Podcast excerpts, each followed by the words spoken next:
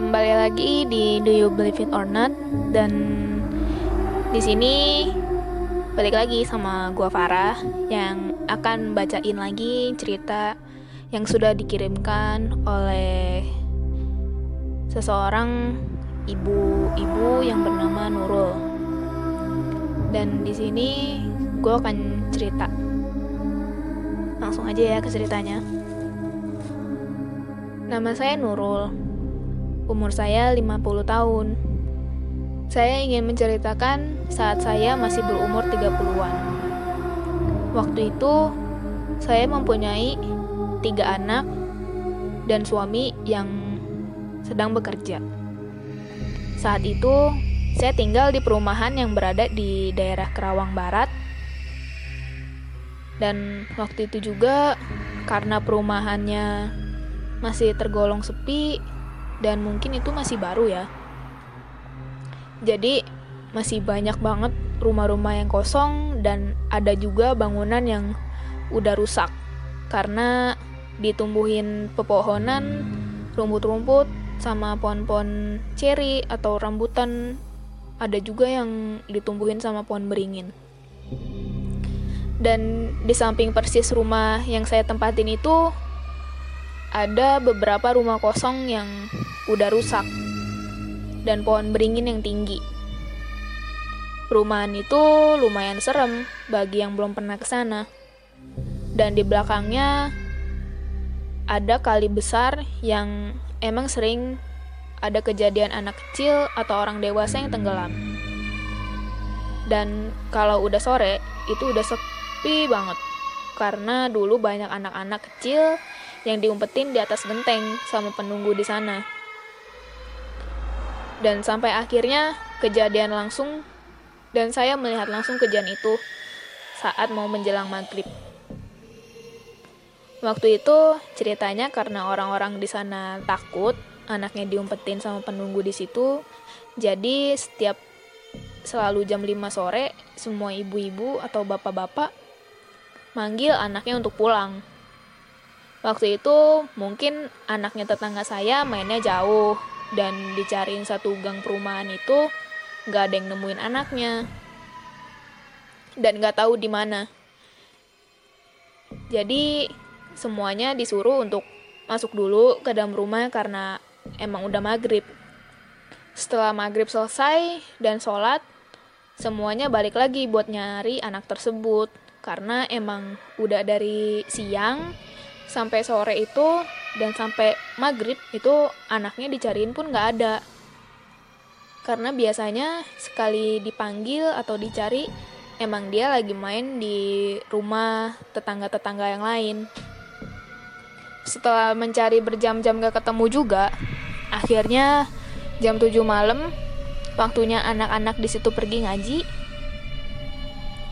pas anak yang lain termasuk anak saya mau pergi ngaji, tiba-tiba satu gang perumahan itu ngedengar anak kecil yang nangis. Tapi suaranya kayak jauh banget, entah ada di mana. Dipanggilin berkali-kali, tetap aja kayak si anak ini jauh banget.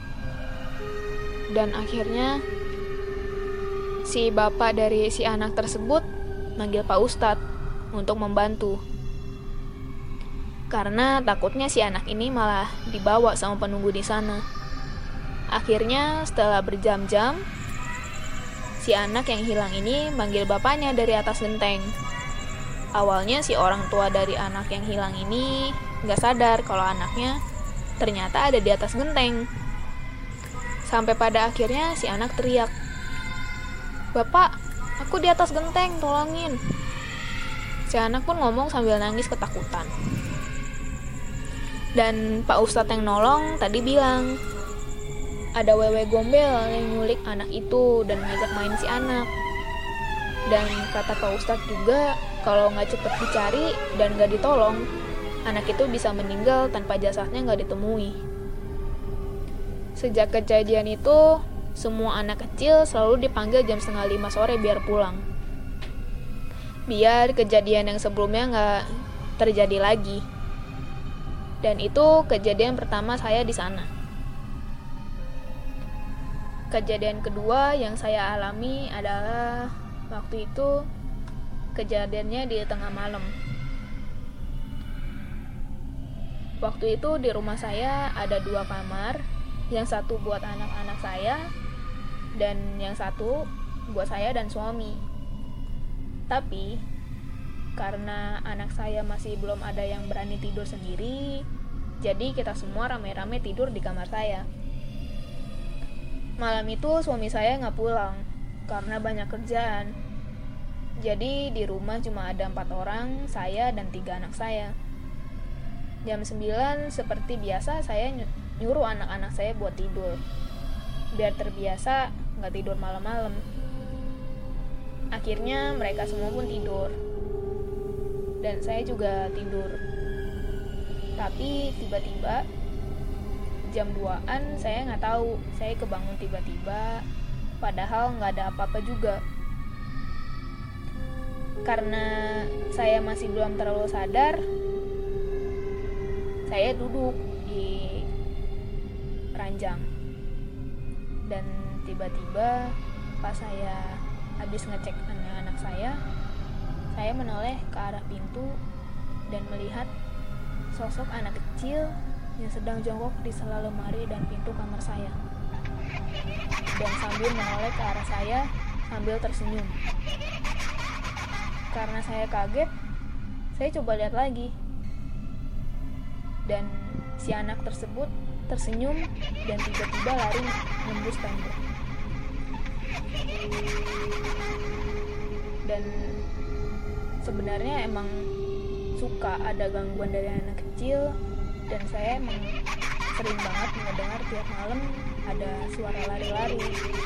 Tapi saya berusaha buat ya udah biarin karena emang kan mungkin dia emang udah dari lama di sini. Jadi saya berusaha buat ya udah kita tinggal bareng-bareng. Dan sebenarnya masih banyak lagi sosok diploman itu yang sering gangguin anak-anak. Yang suka keluyuran dan sering ditampakin sosok kuntilanak sambil ketawa dan ngayunin kakinya di atas pohon. Dan sering juga terjadi anak-anak kecil yang diculik wewe gombel dan suka beberapa hari hilang tapi akhirnya si anak itu pulang ke rumahnya. Ya mungkin segini aja dulu cerita dari saya dan mungkin buat kalian lebih berhati-hati lagi dan lebih banyak berdoa dan minta perlindungan pada Tuhan. Karena kita nggak ada yang tahu hal apa yang akan terjadi. Sebelum dan sesudah saya ucapkan terima kasih pada Do You Believe It or Not dan sampai jumpa